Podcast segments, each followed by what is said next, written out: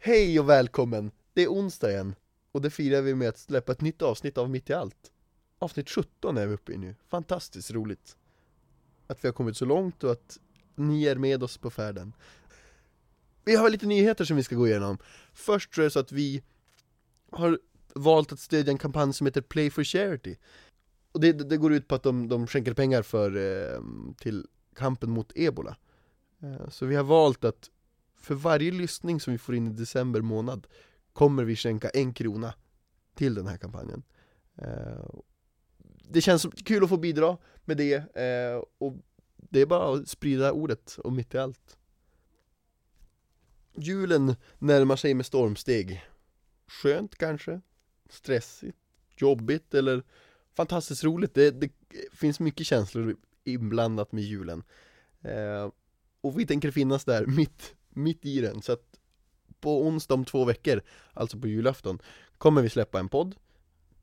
Så man kanske kan få stanna upp och ta det lite lugnt där På den stora dagen. Ehm, men efter det så kommer vi ta ett uppehåll en månad Och sen återkomma Ja, någon gång där i januari. Med samma rytm varannan onsdag och så vidare. Men det återkommer vi senare om vilket exakt datum det blir men nu är det denna onsdag och idag ska vi få lyssna på Amanda Eklunds berättelse. Ha det gött!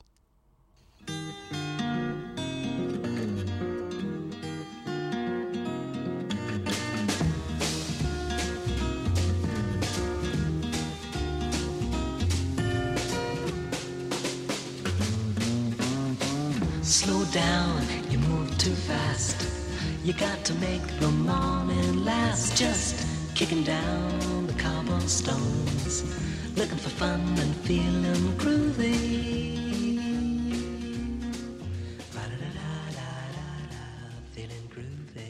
Ja, eh, jag heter Amanda Eklund och eh, jag kommer från Umeå. Och eh, jag tycker att det är svårt att presentera sig själv för man kan göra ur så många olika mm olika sätt. Mm. Eh, det känns så tråkigt att alltid börja med typ sitt yrke eller vad man gör för någonting. Mm. Eh, Berätta hur du mår istället. Jag mår eh, jätte, jättebra och känner mig väldigt rotad för jag har just eh, avslutat en lång tid eh, på resande fot med mitt arbete som matros på Greenpeace-fartyg. Och eh, jag har faktiskt eh, slutat segla nu efter en väldigt lång tid. Eh, för att studera genusvetenskap i Umeå. Och jag mår jättebra för jag tycker det känns så skönt att eh, sluta flänga runt så mycket helt enkelt. Mm. Jag lämnade Umeå när jag var 16 för att börja på gymnasiet nere utanför Göteborg på en ö som heter Öckerö. Mm seglargymnasium och det var väl där allting började. Och sen dess har det bara ja, rullat på helt enkelt ut och längre och längre bort från Umeå. Och eh, senaste året har jag bara känt att, att jag har liksom ett behov av att komma tillbaka hem eh, och liksom träffa min familj, vara en del av mina vänners liv. Och, och det känns jätteskönt att, att äntligen komma tillbaks. Eh, det känns som att när jag var 16 och gick på Dragonskolan så, så var det enda jag kunde tänka på att åka ut i världen och mm. se världen. För jag tyckte att Umeå kändes som det pissigaste stället i världen. Och hur så tråkigt det är i Umeå. Mm. Och världen måste vara så rolig. Och nu mm. när, man, när jag har rest runt och sett mycket så känner jag att, att det som jag har med mig mest är det att, att, att det här är faktiskt det ställe jag trivs bäst på. Och och det känns som en skön eh, liksom, slutsats att, att komma, ut, eh, komma ut med eftersom att det, jag längtar som inte bort eh, på samma sätt längre utan jag känner mig väldigt, väldigt, väldigt bra helt mm. enkelt. Mm.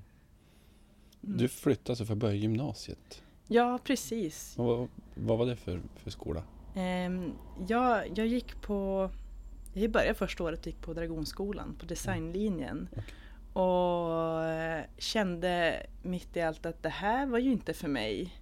Och så kände jag att jag visste inte riktigt vad som var för mig. Men jag, det var nog första gången i livet jag kände en sån här stark definierad så här magkänsla på att jag måste göra något annat.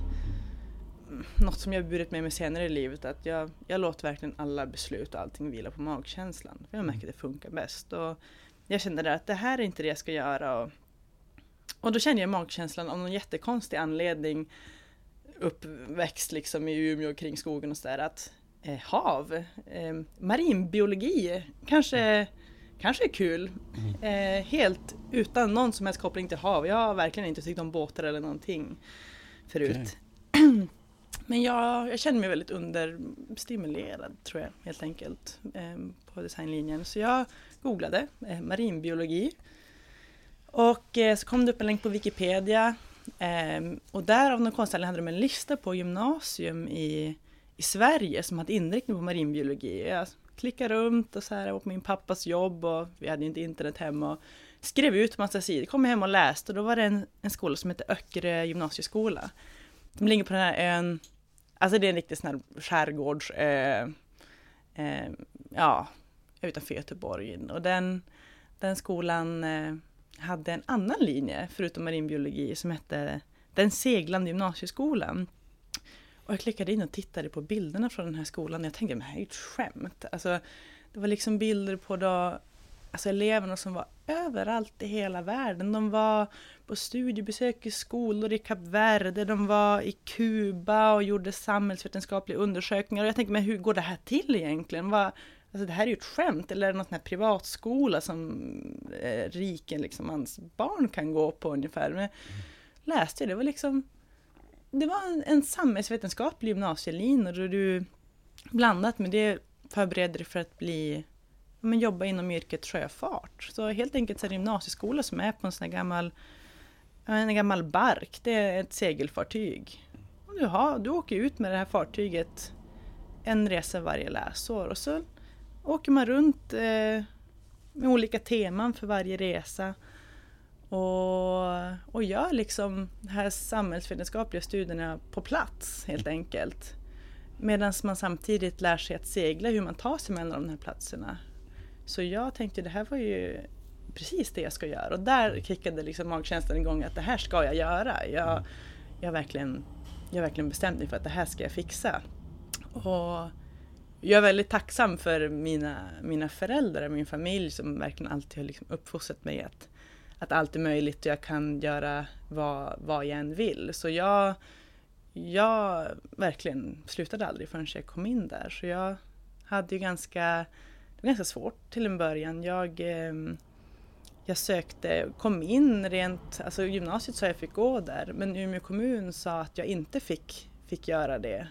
Eftersom att vi har ju samhällsvetenskap i Umeå faktiskt. Och jag tänkte att men det var ju inte riktigt samma sak det här. Eh, och jag, så jag skulle inte få sånt här inackorderingsbidrag så att man har råd att ja, men leva någon annanstans. Eh, så jag började söka stipendium. Jätte, jättemånga olika stipendier verkligen. Jag satt och skrev stipendieansökningar en hel månad säkert och bara skickade ut. Och sen så kom som sommaren och jag tänkte ja men det blir väl att börja andra året på design då. Så var jag faktiskt konfirmationsledare på ett, eh, ett, eh, ett läger. Mm. Eh, och medan jag låg och sov på morgonen så, så ringde det någon på telefonen och kom från något som hette Iris-stipendiet. Ett stipendium för kvinnor som vill arbeta för, för kvinnor i framtiden. Mm. Och, och sa att jag hade att de hade läst min ansökan, att de var intresserade. Och, Ja, och i, i slutändan så löste det sig. Jag fick mitt stipendium och jag kunde åka ner och börja den här utbildningen då som var verkligen var en av de bästa saker jag gjort i mitt liv verkligen. Mm. Fantastiskt. Ja. Då började du ettan där nere? Då började jag ettan igen, precis. Ja. Och, Vart reste ni då? Eh, vi reste, den resan jag kommer ihåg mest det var under första årskursen så hade vi en resa som hette I kolonisationens spår. Mm. Och det var som att resa och följa liksom, vi hade med oss en jättebra historielärare som liksom förklarade rent som en resa genom historien och vi började i, i Spanien. Mm. Eh, vi tittade och vi analyserade och liksom pratade om conquistadorerna och så vidare mm. som åkte och reste över havet till då nya Amerika. Och sen reste vi till eh, Marocko, vi reste vidare till Kap Verde, eh, ett av dem som ligger på Afrikas västkust. En av de länder som var del av den här triangelhandeln av slavar, att du faktiskt gick och plockade upp slavar i Kap Verde för att sedan frakta vidare dem till då Amerika. Mm. Så då åkte vi dit och, och läste om det och undersökte. Precis, man åkte ju med slavfartyg då helt enkelt. Ja. Så vi började i Spanien, sen kom vi till Kap Verde. Och sen åkte vi vidare då över Atlanten och gick och då på något sätt undersökte om konsekvenserna av det här. Vi Mm. var i Dominikanska republiken, vi åkte till Belize, vi, vi var senare åkte vi också till Mexiko och faktiskt fick se den här brutala liksom, övergreppet mot eh, ursprungsbefolkningar och vi åkte till ett land som heter Surinam där man kunde se små byar som fortfarande finns kvar i, i regnskogen där ättlingar från slavar som har rymt från slavhandeln fortfarande lever i olika stammar. Prata med dem, vi hade med oss en tolk och man fick, alla fick sitta och göra sina projektarbeten och som 17-åring att, att få, få världen så här in your face och träffa de här människorna, alltså den här enorma privilegiet att få komma till dem och att de ville dela sina historier, att, att få ta del av det i första hand, ställa sina egna frågor, vad man undrar över. var ju verkligen, alltså som, alltså som 17-åring, alltså man var, det var helt revolutionerande i sättet som jag såg på världen och mig själv och liksom öppnade en dörr till att oj, men vänta, det finns perspektiv, andra än mina egna. Jag kommer ihåg en sån enorm utskällning jag fick då vi vi bodde i en by med ättlingar till maya-indianer i, i Belize och på Mm. studiebesök och vi fick bo hemma hos en familj i några dagar. Och då hade jag ett projektarbete, nu minns jag inte vad det handlade om, men jag det var någonting riktigt liksom det här, jag skulle fråga någonting om fattigdom eller någonting. Mm. Eh, ett väldigt så här, och, och kom på mig själv att jag frågade någonting som antydde då att jag typ, nu var det inte exakt så, men det var lite som att säga, jag har ju känsla att vara fattig då, typ för att de, de bodde i en, eh, men alltså annorlunda än hur vi bor. Att de bodde i hyddor, han hade sitt eget plantage där bakom liksom huset och eh, det var liksom inte samma så här, metropolstad och skyskrapor, absolut Mm. inte så. Utan de bodde ute i regnskogen. Mm. Och, och min sån här fråga var så sjukt obetänkt eftersom att jag hade som tänkt in i allt det där att det är ju rätt som, som jag lever och Mm. hur känns det att du inte lever som jag? Hur tänker du att du ska kunna leva mer som mig? Lite så. Mm. Och jag fick världens utskällning verkligen. För han som jag, pappan i familjen som jag intervjuade, han var, han var riktigt arg och det var så behövligt för mig att höra det. Han var så, men och du som, vad har du egentligen? Jag är ju mycket rikare än dig. Du är ju beroende av alla, alla mataffärer, av liksom bil, av bensin, av, av det här sättet som ni lever i, i Europa. Här däremot, se på mig, jag har mitt eget plantage, jag kan liksom ge mat åt min familj, vi har liksom allt vi behöver här. Vi behöver inte, eller om vi är självförsörjande, och säg mig om inte det, vad är det som är rikedom? Så kom inte här och säg att, att jag skulle vara någon slags underutvecklad fattig bonde, för jag ser det snarare tvärtom, att det är jag som är den rika här. Det är ju, vad ska du göra om ni får mataffären stänger, liksom? hur ska din familj äta mat? Eh, och det var väldigt eh, jättenyttigt att få höra, att få det här, jag har ju lärt mig senare nu i skolan att det finns något som heter postkolonialism, att man kan liksom det här inofficiella förtrycket efter att man har avkoloniserat, Mm. ja men, eh, värld, vissa delar av världen, att man fortfarande kan liksom se det som att vi här i, i väst, vi, vi vet hur det ska vara, vi ska utveckla och lära alla andra Mm. att bli mer som oss. Att, Mm. att jag kanske fick en liten försmak på liksom att, att eh, det finns olika sätt att leva på. Ehm, det var väldigt nyttigt att Mm. höra det. Ehm, träffa de här människorna. Såg du på det Såg du på den situationen på det sättet då? Eller är det något som har kommit sen? Det kom efter utskällningen. Sen så kunde jag inte sätta ord på det riktigt, att, att det kallas att jag betedde mig postkolonialistiskt, Nej, den nej. här akademiska termen. Nej. Men den här känslan och den här, och som faktiskt är viktigast, det viktiga är ju inte termen, det viktiga är Nej. ändå att, att vara förstående och liksom inte Mm. sätta sig över andra på det sättet. Att, att den tanken började liksom, började komma. Då. Ja, Häftigt. ja. Ja, vilken resa. Både såklart runt världen men personligt och Ja. emotionellt. Och framförallt det här med som som jag kommer att fortsätta med sen, att vara mycket på segelfartyg, det är att att lära sig att vi var 55 elever på Mm. en båt som inte var så jättestor. Ja, Mm. 55 meter, vi har en meter från en elev kan man säga. Ja. Delade hytt väldigt nära. Mm. Och, och ärligt talat så tyckte jag ju, man kan ju inte tycka om alla 55 personer att leva Nej. så nära med. Och det som jag lärde mig också var ju en sak att senare i livet så kommer man måste samarbeta med människor, eh, lösa problem med personer Mm. som man kanske inte själv hade valt att, Mm. att vara i samma grupp som. Och många konflikter säkert första resan, men sen efter, efter tidens gång, jag gick ut gymnasiet, så känner jag att, att, att man har verkligen lärt sig att jobba på, liksom försöka förstå varandra, kommunikation. Mm. Eh, och det tror jag var en sån social grej som, som ja, hjälpt senare i livet. Eh, s- Liksom sparat mig från väldigt mycket frustration och, Mm. och upprördhet tror jag. Got no deeds to do, no promises to keep. I'm dappled and drowsy and ready to sleep. Let the morning time drop all its petals on me. Life, I love you, all is groovy. Du, när du då gick ut gymnasiet, eh, då valde du att fortsätta inom sjöfarten så att säga. Ja, det, det hände som någonting däremellan, en till sån här magkänslig grej. Ja, När jag gick berätta. ut där så kände jag att eh, jag var så enormt taggad på livet. Ja. Av liksom allting som jag hade sett och kände att oj, jag vill liksom förstå mer, jag vill träffa mer människor. Eh, och det hör ju till också att det vi såg var ju också att alla människor som vi träffade upplevde inte att, att det var särskilt bra, deras livssituation. Mm. Eh, och då tror jag att det är ganska naturligt att när, när människor ser någon som, som inte upplever att det skulle kunna vara bättre, att, att man känner att man vill hjälpa till. Mm.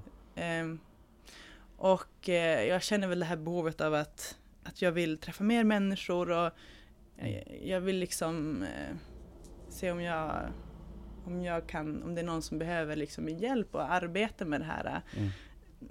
Svårt att kombinera det här på något sätt med det jag sa innan, att man inte ska komma och liksom lära upp folk. Men jag, jag vet inte, just när man säger, framförallt så har jag alltid varit väldigt intresserad av kvinnors situation i världen. Mm.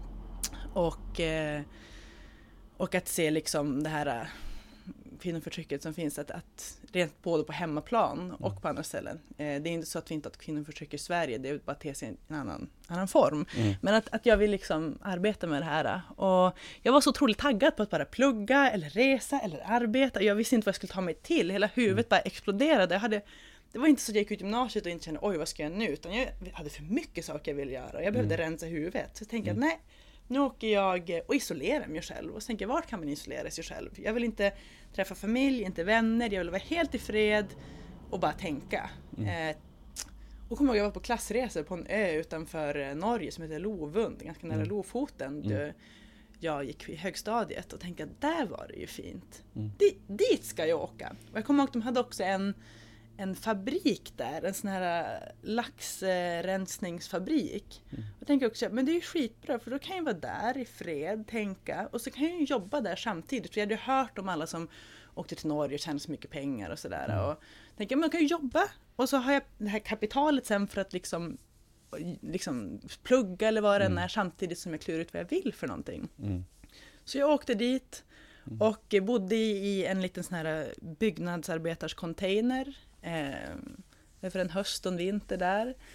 Ehm, och eh, tänkte, eh, promenerade, det var som en stor sten i vattnet, som ett berg och man kunde gå runt där. Jag gick som runt den där, det bodde inte så mycket folk där. Jag stortrivdes verkligen. Eh, det stormade, det var stora vågor och hav och jag kunde bara sitta och titta och ja. Eh, men den andra delen av det här var att medan jag funderade på vad som var meningen i livet så jobbade jag på den här fiskefabriken. Och som fick mig att må så otroligt dåligt. För jag har eh, sedan gymnasietiden så engagerade jag mig i eh, miljöaktivism eh, och jag var även eh, aktiv inom politik. Eh, och speciellt inom miljöfrågor. Jag var med i många ungdomsförbund och undersökte lite sådär politiska åsikter och kände att men det här med miljön eh, tycker jag verkligen är jätteviktigt Mm. att, att arbeta med. Eh, och eh, jag hade blivit just vegetarian innan jag flyttade dit. Och jag tror inte att jag hade riktigt så tänkt innan vad det innebar att jobba på en, en, ett slags slakteri från odlad lax eftersom att jag var ju vegetarian av anledning till att jag tyckte att djur, eh, alltså hur man, att hur man liksom producerar upp djur som att det vore en liksom plastbit eller vad som helst, tycker jag är eh, absolut fruktansvärt. Därför blev jag vegetarian och jag vet inte hur jag fick det ihop med att äh, jobba på laxslakteri, men svinbra. Första dagen på jobbet så var det nej, men hur tänkte jag nu? För jag tror jag var så fokuserad på det här med att jag vill bo just på Lovund och det var det enda jobbet som fanns. Och jag mådde så dåligt och, och det här var verkligen, men nu i efterhand är jag så otroligt glad att jag tog det jobbet. För jag satt där någon kväll i min så här, container och det stormade jättemycket utanför. Och jag satt och så här, försökte som meditera, typ att ja, vad är meningen med livet? Och jag skulle försöka formulera det här i en mening, hade Ja. jag tänkt den här kvällen. Ja. Och det jag kom på var att oj, jag mår verkligen jättedåligt just nu av att jobba med någonting som jag tycker är fel. Så jag kom på att okej, meningen med livet kan ju inte vara att inte jobba med något som jag tycker är viktigt. Framförallt inte jobba med något jag tycker är skitdåligt. Eh, och då så formulerade jag som i mitt huvud att, ja men okej, men nu tycker jag kanske att meningen med livet borde vara att använda de erfarenheter jag har, som jag verkligen har sett i, liksom i världen, till att arbeta för något som jag, jag finner är meningsfullt. Och på något sätt uppleva att ja, men när man dör, att jag känner att jag har gett mer än vad jag har tagit. Och, och det tycker jag, men det här känns ju jättevettigt. Och så var det som så här, mm, lite glad och nöjd. Jag tänkte, men så här ska jag göra. Och då så är jag sån här organisationsfreak, så jag började skriva listor. Hur uppnår jag det här målet? Okej, omorganisera livet, punktlista. Tog jag ett papper och skulle då skriva.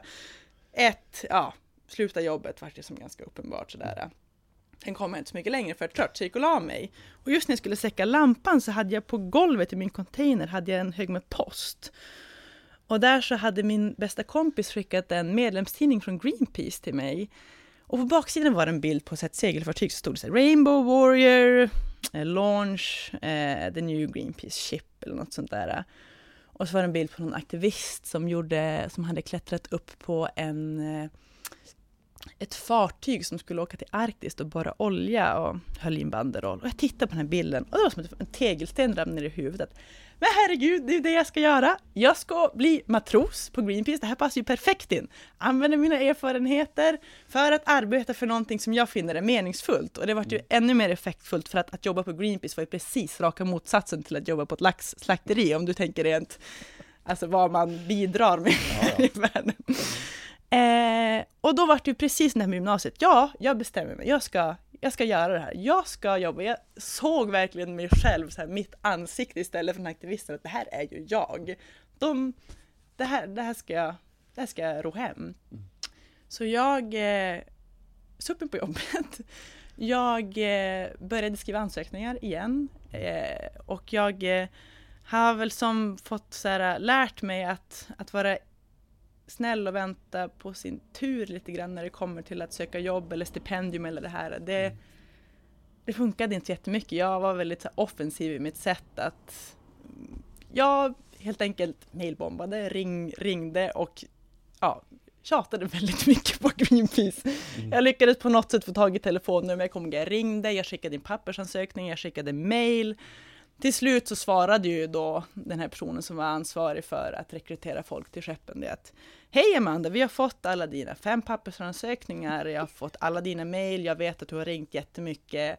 Eh, jättekul! jag, jag ska spara din, eh, din ansökan eh, ifall vi skulle behöva någon, men just nu så behöver vi inte, inte någon. Och, och tänker jag att ja, men det här betyder ju typ ja.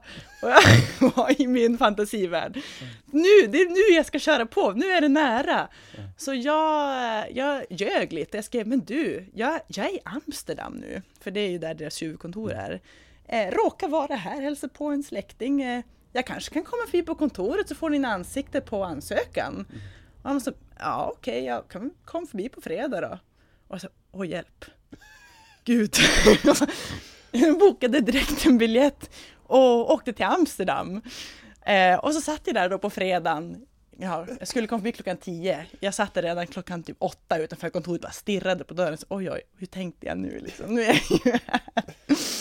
Och jag gick in på mötet och var så här dödligt nervös. Eh, och träffade den här personen då som hade då makten att säga okej, du, får, Mm. du får hänga med oss och vi, du kan få komma som volontär liksom, och jobba på något av våra fartyg. Och det var, jag trodde mest bara att vi skulle säga hej och sen skulle jag åka därifrån. Men när jag kom dit var det som att han, ja, nej men eh, vad har du för skostorlek? Jag var så, hur så? så? Ja, men vi måste ju beställa arbetsskor till dig och och det var som att, och när jag gick ut därifrån så var han som så, ja, nej men jag hör av mig när vi hittar något ställe dit du kan, ja men ett tillfälle där du kan hoppa på, men det borde vara inom de närmaste månaderna. Och jag gick ut därifrån och jag bara storgrät. Jag satt i en trappuppgång och bara storgrät. Så det gick förbi jättemycket människor som bara frågade men gud, hur mår du? Och jag var så, ah, I'm just so happy! Och storgrät verkligen. Och på den vägen blev det. Och det var också, som gymnasiet, en av de såna här äh, un underbaraste upplevelser som har gjort mig till den jag är idag, som jag aldrig velat vara utan. Så jag, mm jag började helt enkelt som volontärmatros för Greenpeace och hade, de har ju olika fartyg, Mm. men de har ett fartyg som är ett segelfartyg och segling tyckte jag ju var jätteroligt. Eh, och jag hade fick turen att jag, jag fick ett mail hem där det stod ja, hej Amanda, du ska mönstra på Rainbow Warrior som det här segelfartyget heter i Manaus. Och sen Manaus, vart är Manaus? Eh, Google Maps skriver Manaus. Ehm, och så kommer det upp en prick mitt på fastlandet. Jag tänker, men det här är ju ett skämt. Så jag zoomar ut lite grann och säger, men det är ju Amazonas. Så zoomar lite till, men, men de driver ju, hur ska jag kunna mönstra på ett segelfartyg mitt i, i regnskogen i princip? Och så säger jag att det är liksom en liten flod som går hela vägen in till Manaus Då förstår att, åh herregud, vi ska segla ut längs Amazonasfloden.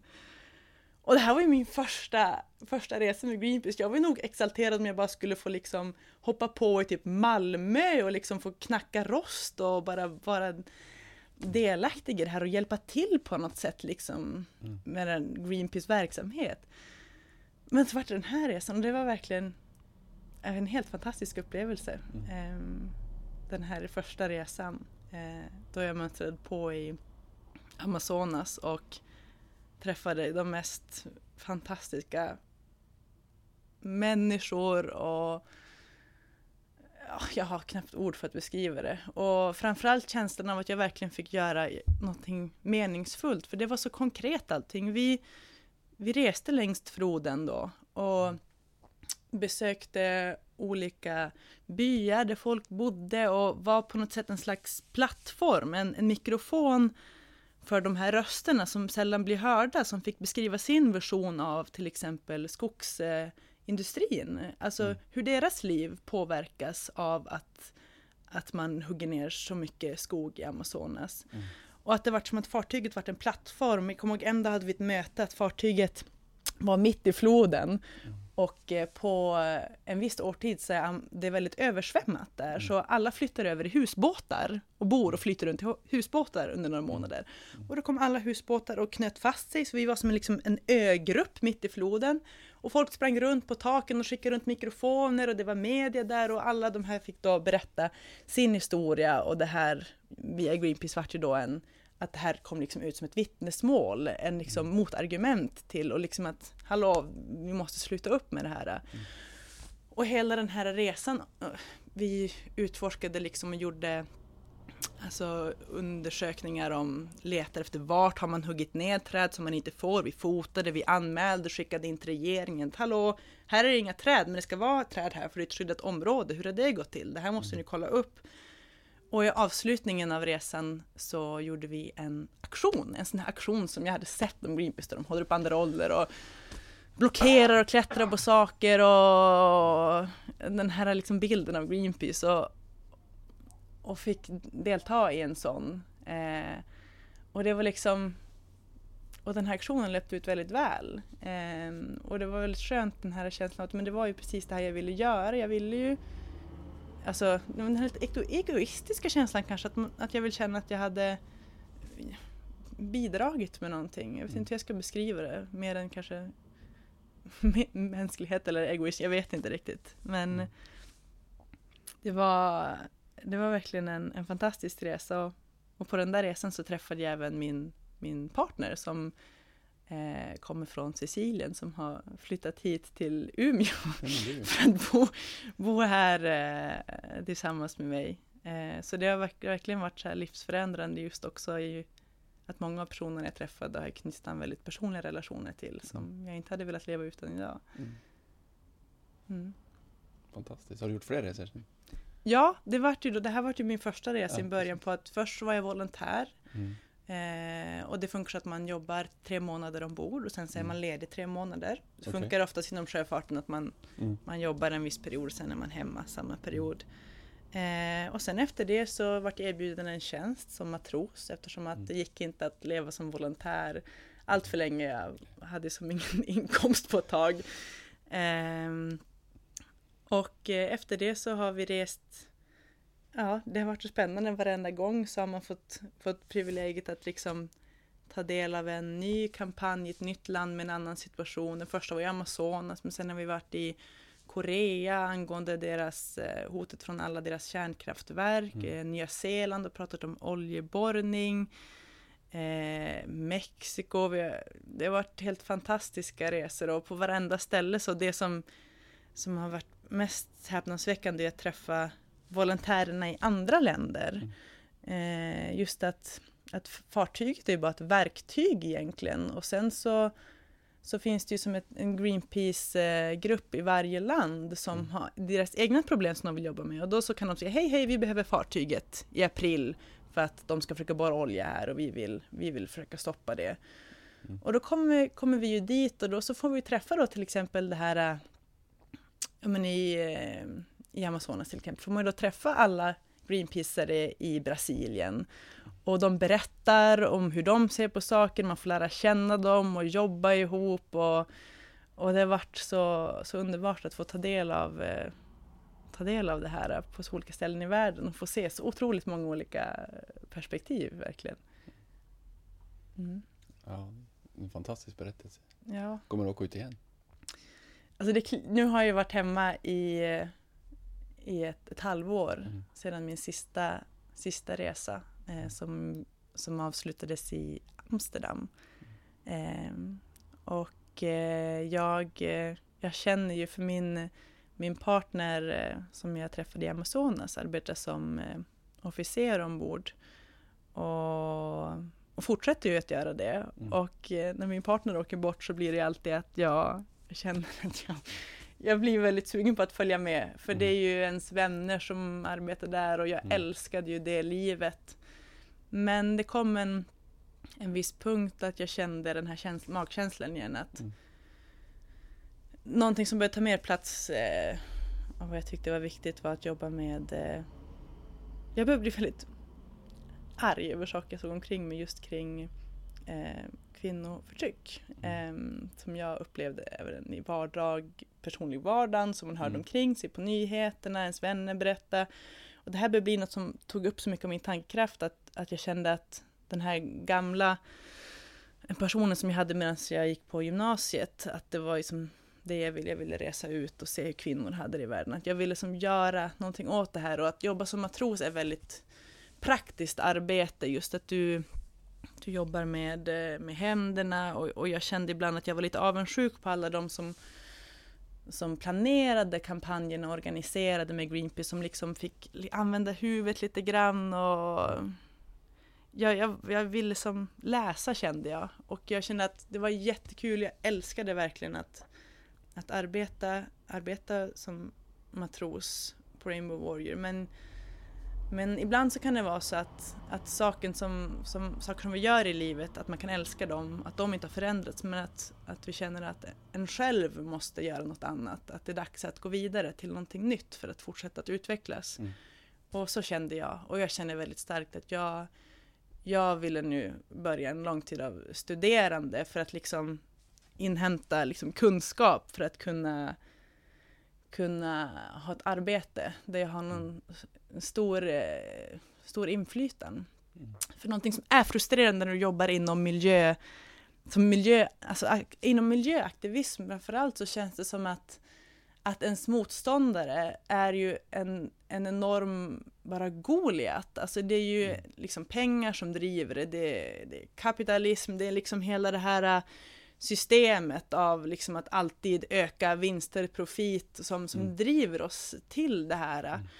Och det känns, eh, det känns som att jag ville på något sätt komma in och, och tala samma språk. Att, att komma in och läsa, jag vill läsa ekonomi, jag vill läsa juridik, jag vill, jag vill känna att, att jag har en röst som, eh, som faktiskt, för att folk har lyssnat på mig så kände Mm. jag att, att jag ville ha lite mer kött på benen. Eh, och jag var så frustrerad av att se att ibland så gjorde, när, när man kom och gjorde arbetade i, i länder och sånt där, att, att man kunde se att den här enorma bristen av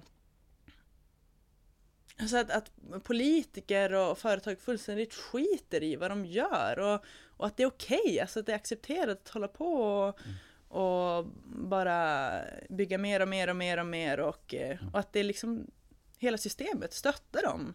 Och jag känner att jag då föds ju den här viljan att jag vill kunna ta mig in i systemet och liksom inifrån ändra på det. Mm. Och då känner jag att jag vill i framtiden vill jag arbeta, arbeta med det och då måste jag plugga. Så då Mm. känner jag att ja, jag älskar verkligen att, att vara mitt i liksom striden där och jag tycker Mm. att det är jätteviktigt att det Greenpeace gör att, att uppmärksamma de här problemen för att senare då politiker och forskare och rörelser ska kunna då använda den här liksom eh, snöbollen som är i rullning för att kunna pusha politiker och företag.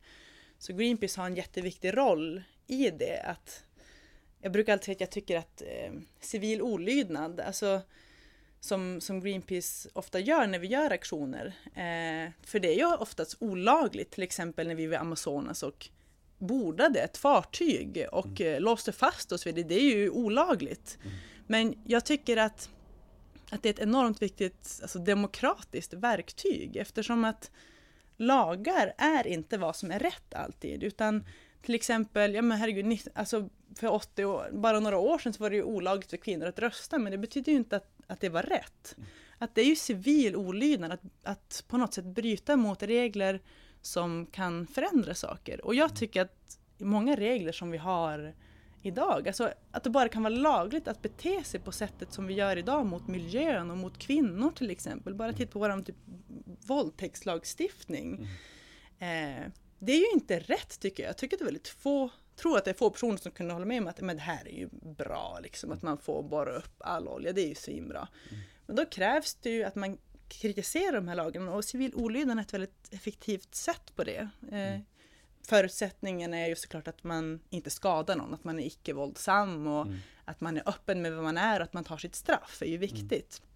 Eh, jag känner att det, det Greenpeace gör är väldigt, väldigt viktigt, att liksom uppmärksamma problemen. Men jag ser i framtiden att jag vill vara den som jobbar in i systemet för att då jobba vidare med den här uppmärksamheten och kanske pusha, jobba som eh, Ja, gud, vi får se vad det blir för någonting. Men...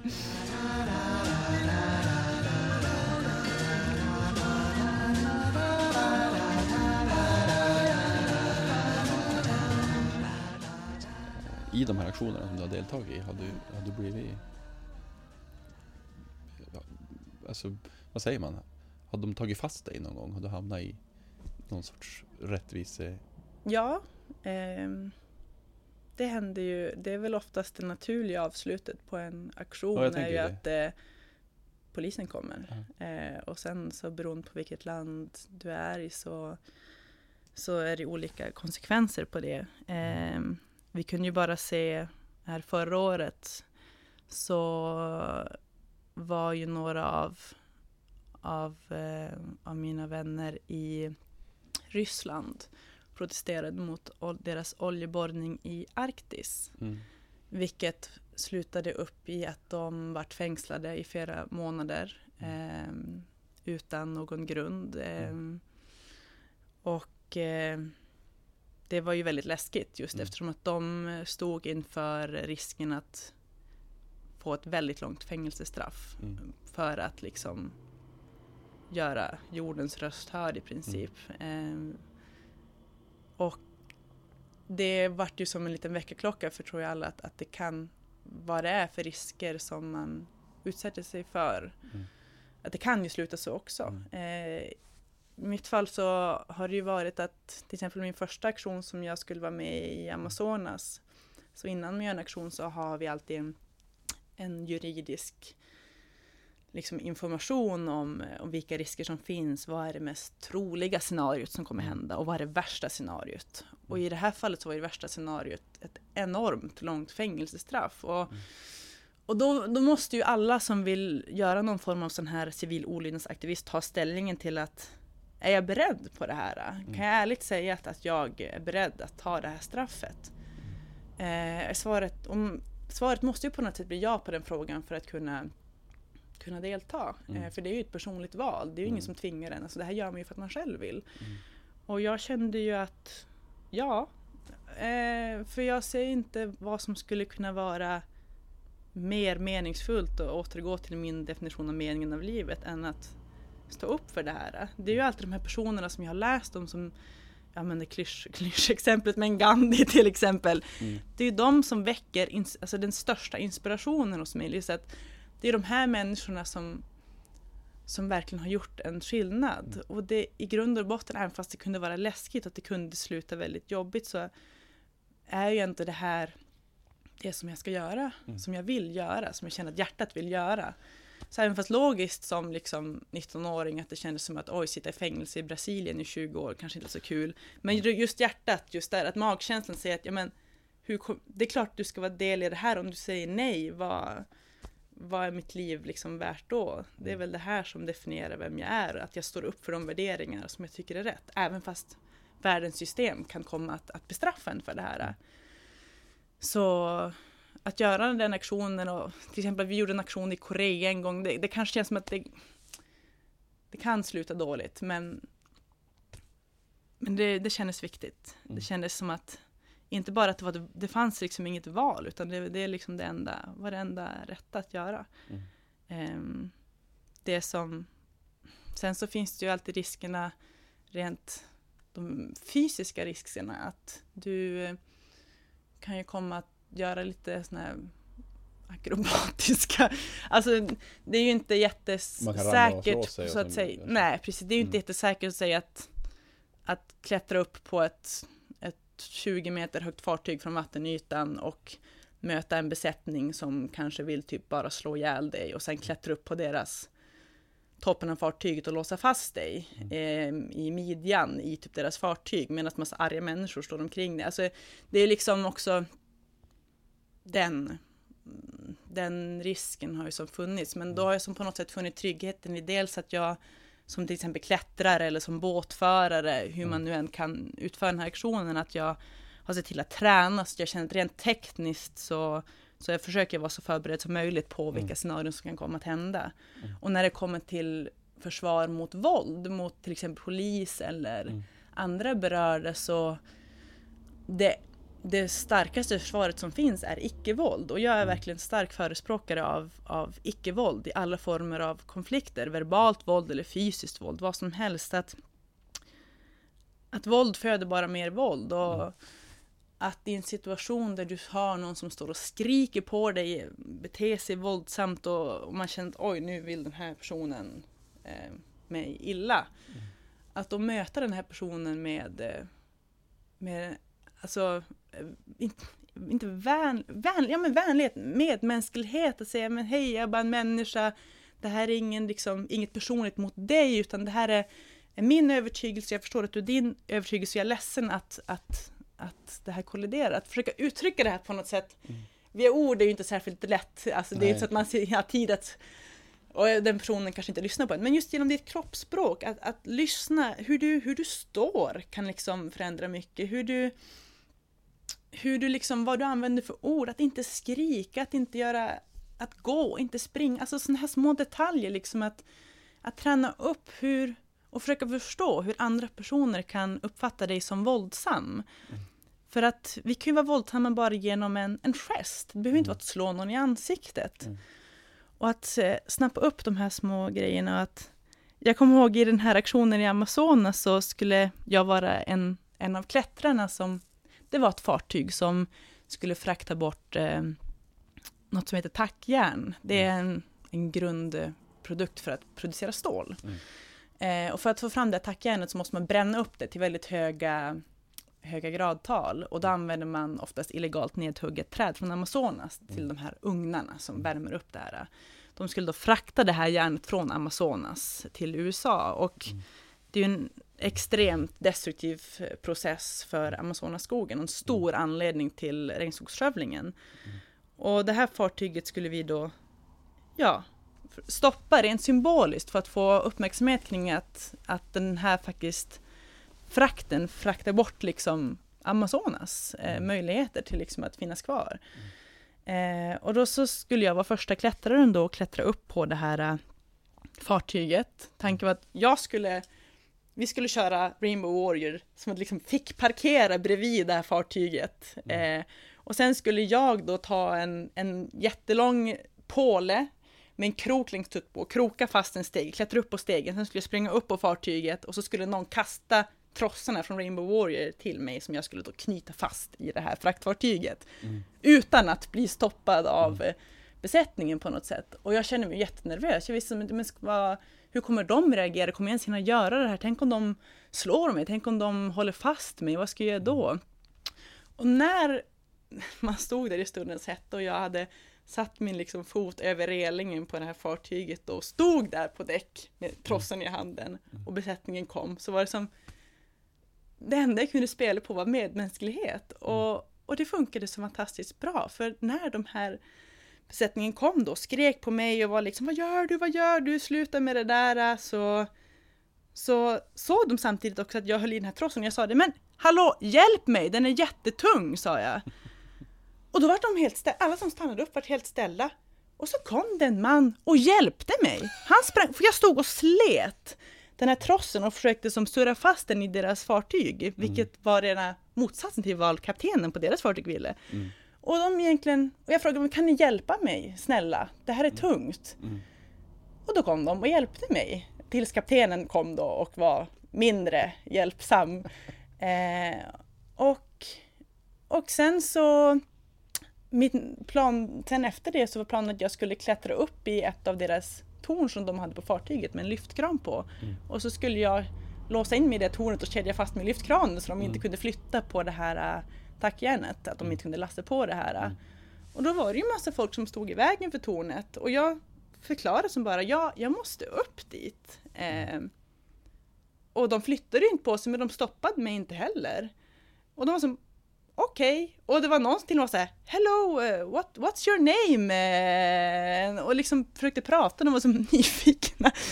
Eh, och, det, och det gick bra. Ehm, vilket jag tror hade varit helt annorlunda om, om, om jag bara hade ignorerat dem och sprungit. Och, men just det här att blotta sin, liksom att vi är människor bara och att inte vara våldsam, att det, att det är verkligen, inte bara i sådana här situationer utan i alla situationer är ju verkligen det mest eh, freds liksom bringande man kan göra. En, en enormt eh, väldigt bra taktik verkligen. Ja, verkligen. Mm. Spännande. Eh, vad, vad är den värsta konsekvens? du- Eller har du drabbats av... Du har åkt dit, polisen har tagit det förstås. Ja, Men du har aldrig fått någon form av straff? eller? nej. Det, den vanligaste utkomsten är att, eh, att, att den blir arresterad eller Mm. anhållen kan Mm. vi säga. Mm. Men att det inte, oftast inte går vidare till alltså en rättegång eller straff. Det kan vara en, en mild böter eller så. Men det Mm. här beror såklart i vilket land du är, i vilken situation, vad du har gjort för Ja, någonting. mm. Till exempel i Ryssland slutade det inte bra. Eh, när vi gjorde en aktion i Korea var det några aktivister som varit kvarhållna flera månader. Att det, men för mig så har det aldrig slutat i, i något straff så, utan jag har väl mest varit öppen om vem jag är och sagt jag har gjort det här. Och sen så är det upp till rättssystemet att se vad de vill göra med det. Det Mm. viktiga är ju egentligen att man är, man är öppen med att man står för det. Det, Mm. det som det jag har gjort för någonting. Mm.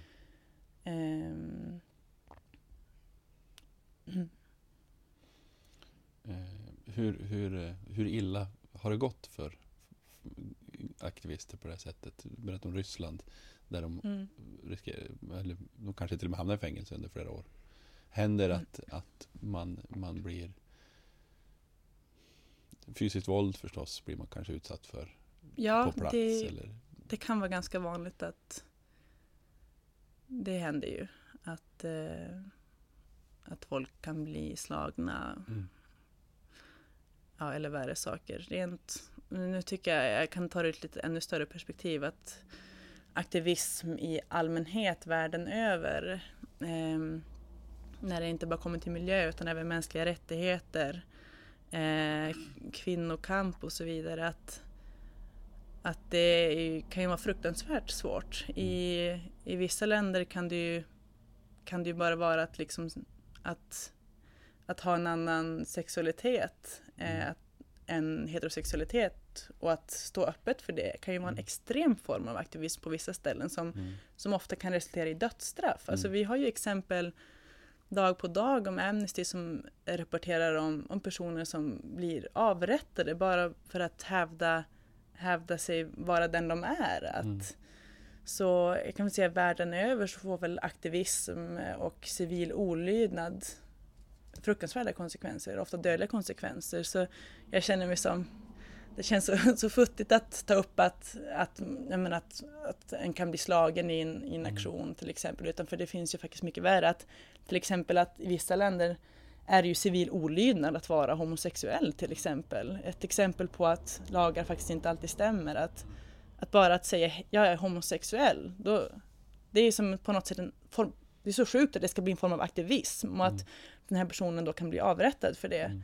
Så i allmänhet så tror jag att att vara aktivist eh, det slutar oftast jättedåligt. Mm. Och på något sätt så är ju det den största drivkraften till att fortsätta eftersom att eh, det enda som kommer ändra det här är att fortsätta säga emot, fortsätta utföra civil olydnad, eh, att inte följa, följa systemet. Eh, Fundera på den här magkänslan som du pratar om nu, byter jag spår lite. Eh, ett, en, en magkänsla får dig att googla eh, alternativa skolor och av Mm. en slump hittar du en helt annan utbildning än den du tänkte. Mm. Gå på magkänslan, kommer in eh, och det tar dig ut i världen Mm. på det sättet som du har berättat om, vilket ju är helt fantastiskt. Eh, nästa magkänsla du berättar om eh, eh, landar i att du får, du får göra det som någonstans du uttrycker är ja, livets mening på något sätt i Mm. din definition. Eh, den här magkänslan, det verkar ju ha funkat för dig riktigt Ja. bra ändå. Men, men eh, har du hamnat i situationer på grund av det här som är där du har känt att oj, det här blir fel? Ja, massa gånger. Fler gånger så blir det ju... Fast det, jag kom, kommer aldrig att kalla det för fel eftersom att till exempel fiskefabriken var ett sånt, exempel. Att så här, magkänslan så här, vad som om vi ska jobba på fiskefabriken, det blir jättebra. Mm. Och att då inse att ja, men det vart ju ett här, typ exempel på vad som blev fel eftersom att det där var ju inte ett bra jobb för mig. Mm.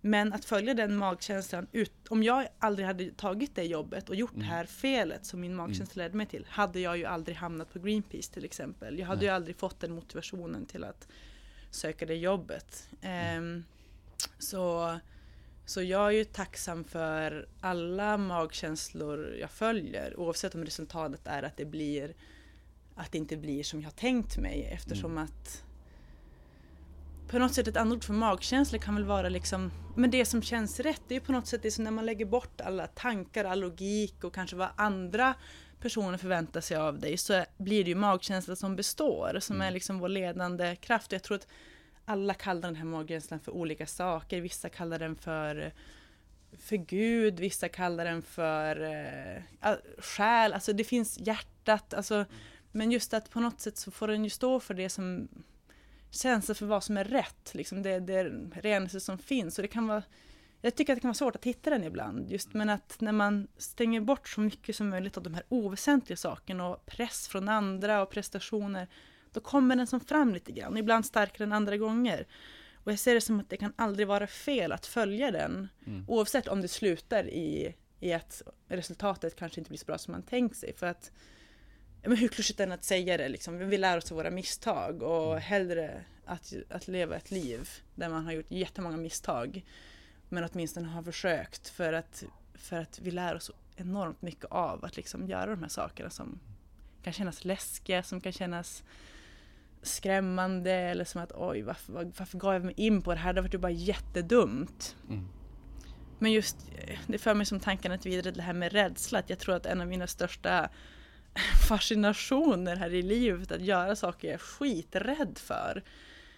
Eh, för jag, jag har upptäckt att, att jag mår aldrig så bra som efter att jag har gått utanför den här bekvämlighetscirkeln och gjort någonting som jag tycker är jättejobbigt och jätteobehagligt. Mm.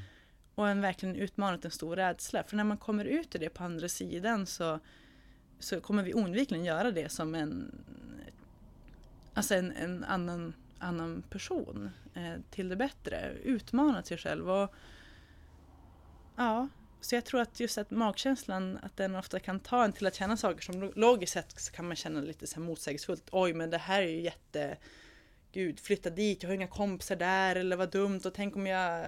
Och så kommer alla de här, tänk om, tänk om och den här oron då. Mm.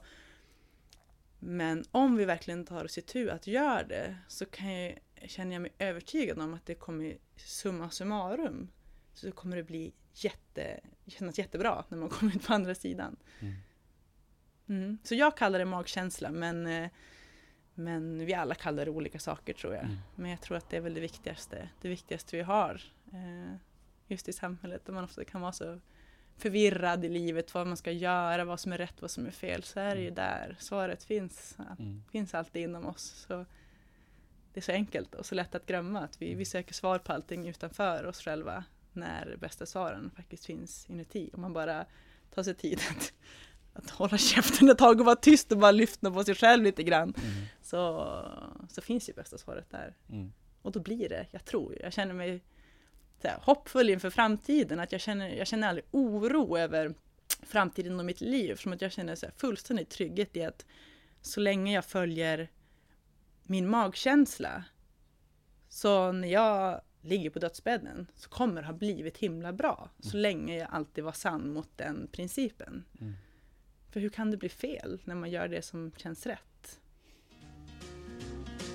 I got no deeds to do, no promises to keep. I'm dappled and drowsy and ready to sleep. Let the morning time drop all its petals on me. Life, I love you, all is cruel. En tradition som jag har är att alla gäster får ställa en fråga till nästa gäst. Mm. Eh, och den fråga som den förra gästen som vi intervjuade eh, ställde till dig Eh, det är frågan. Mm. Om du hade obegränsat med mod, mm. vad, skulle, vad skulle du göra då?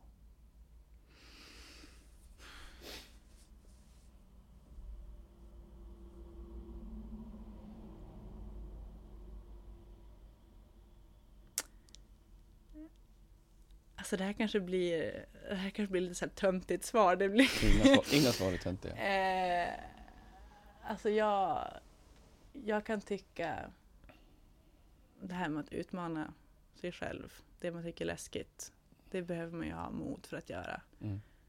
Och eh, jag tänkte på det här om att jag tycker inte att det är läskigt att, att vara med i en, i en aktion. Det är inget som kräver mod av mig, för jag tycker inte att det, det är ingenting som gör mig särskilt rädd. Mm. Eh, däremot så tänker jag att någonting som gör mig rädd, som jag inte har nog mod för idag, mm. eh, det är snarare att typ bekämpa mina egna rädslor. Mm. Och den här, den här, känns, ja, den här rädslan är att jag, jag har jättesvårt för att eh, alltså att tappa kontrollen över mitt liv. Mm. Jag har sedan jag var, var liten haft eh, Eh, OCD, alltså men tvångs, tvångstankar, tvångshandlingar. Mm. Och haft av olika anledningar och haft jättesvårt med det just att jag har haft sådana här olika handlingar och sånt där för att få som kontroll över, mm. över livet. Så att om någonting är oroligt i livet, att jag kan till exempel börja vända alla kaffekoppar upp och ner för att jag får för mig att det liksom hjälper på något sätt. Mm. Eh, och jag har väl som jobbat bort det här ganska bra, mm. tror jag. Men men jag är fortfarande att jag har jätte, jättesvårt för att liksom lägga bort kontrollen, tappa kontrollen över livet. Jag behöver ha kontroll över relationer, jag behöver ha kontroll över min planering. Jag är en sån här som skriver oändliga galna listor över allt och inget och mår jättedåligt om jag lägger bort dem. Så jag skulle nog säga att det är väl det som hindrar mig mest här i livet som jag försöker jobba på. Så om jag hade obegränsat med mod då skulle jag lägga bort alla mina listor och tillåta mig själv att tappa kontrollen lite mer tror jag.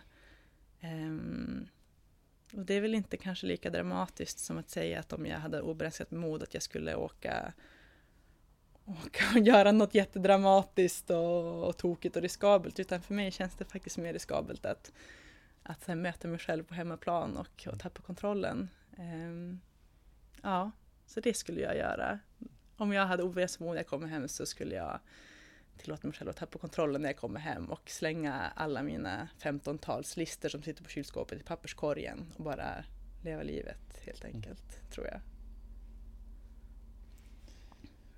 Ehm, har du en fråga att ställa till nästa gäst? Ja, alltså jag, jag tänker på det som eh, vi pratade ju lite innan jag kom hit om just det att, att vissa människor inte upplever att de har en historia att, att berätta, att deras mm. historia inte är värd att, att lyssnas på. Vilket fick mig att reagera ganska, ganska starkt. Jag tycker att det är väldigt hemskt att, att folk ska behöva känna att de inte har något intressant att berätta. Mm. Eh, särskilt så slogs det mig över att, att du sa att, att ofta att det är tjejer som, som har intryck av att deras historia inte är värd att lyssna på. Mm. Eh, och eh, då skulle jag väl vilja ta det här kanske ämnet lite vidare. Mm och fråga nästa gäst varför alla människors historia är viktig. Um, det tycker jag är intressant att prata om. För, för det, det är den verkligen. Men då låter jag nästa gäst prata om, om varför det är så. Mm. Mm. Eh, och då får du självklart svara på den frågan själv innan vi går vidare. Vad, vad tänker du om det här? Alltså jag tänker, det är som så här, jag tycker det är lite svårt att svara på för jag tycker det är som så, här så självklart. Varför, varför skulle vissa historier vara viktigare än andra? Så att, att vi, vi alla lever och upplever världen olika. Vi har alla olika subjektiva upplevelser och det finns inte ett rätt. Det finns ingen rätt historia. Det, på grund av det här så går det inte att, att, att en typ av upplevd historia är bättre eller viktigare att lyssna på än andra. För att alla har ju en olik historia. Mm. Och, och då måste ju alla vara värda att berätta.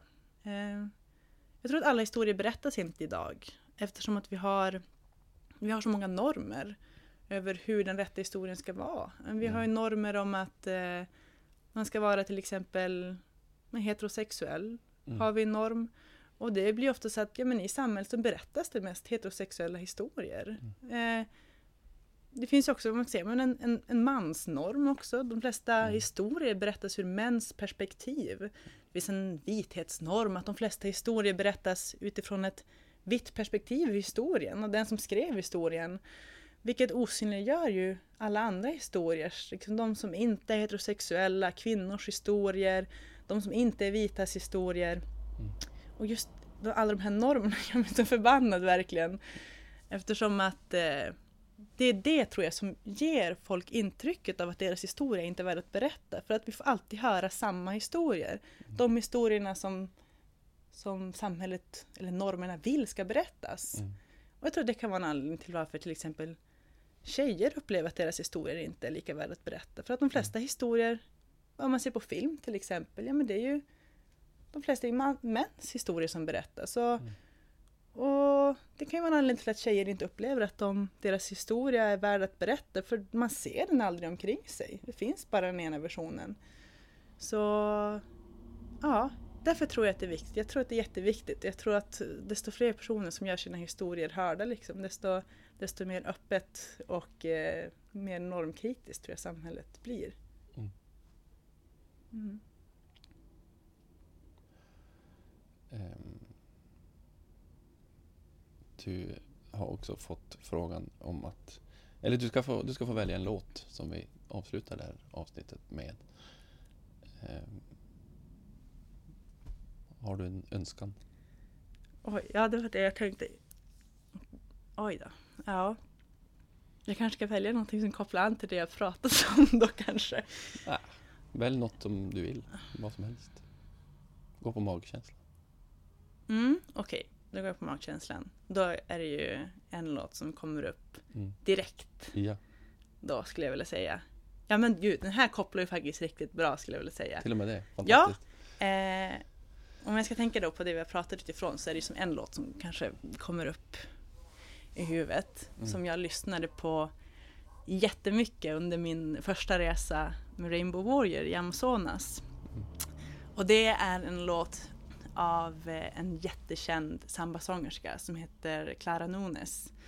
Mm. Och hon har gjort en låt som heter Canto das Tres Razas. Och den eh, jag kommer ihåg jag hörde den första gången där jag stod på utkik mitt i natten i Amazonas på fören. Det var alltså mörkt ute och jag hade en radio som jag stod och pratade med styrmannen inne på bryggan Mm. och sa sväng höger, sväng vänster, sväng höger för det var fullt av stockar hela, Mm. hela floden som vi inte ville köra på. Mm. Och då kom jag ihåg att styrmannen sa men gud slappna av och så tog han högtalarna, eh, musikhögtalaren och så förde han dem mot radion och tryckte på ja, lyssna-knappen då. Så att när jag stod där framme så började helt plötsligt den här låten spela som jag hade hört förut. Och han släppte aldrig knappen och jag, och jag lyssnade på hela låten. Jag stod där framme och, jag, och sen så jag tyckte jag verkligen om den låten. Eh, och den handlar faktiskt om, det är en ganska sorglig text, den handlar just om eh, hur eh, de som kom som slavar till Brasilien och eh, ursprungsinfolkning, ursprungsbefolkningen, hur de, eh, vad ska man säga, hur de har deras skri, den är ganska sorglig egentligen, deras skri av smärta som, som egentligen hade kunnat vara skri av glädje på grund av eh, allt förtryck. Ehm, så den kan väl på något sätt koppla an till att det finns många olika historier att Mm. berätta som behöver göras hörda. Men Mm. nu lät det ju som att låten var jättesorglig, men ni kommer ju få höra den själv. Jag tycker Mm. att den är väldigt, väldigt dragig och eh, ja, jag älskar att lyssna på den. Den får mig alltid att tänka på alla de fantastiska människor jag träffade när jag var i Amazonas. Mm. Mm. Härligt. Mm. Eh, vi får säga eh, stort tack till dig Amanda eh, för att du kom hit och delade din historia, din berättelse. Ja, tack för att ni ville lyssna på den. Tack så mycket. Ninguém ouviu um soluçar de dor no canto do Brasil. Um lamento triste sempre ecoou desde que um índio guerreiro foi pro cativeiro e de lá cantou. Negro entoou um canto de revolta pelos ares do quilombo dos palmares, onde se refugiou. Pela quebra das correntes, nada adiantou. E de guerra em paz, de paz em guerra, todo povo dessa terra, quando pode cantar, canta de dor.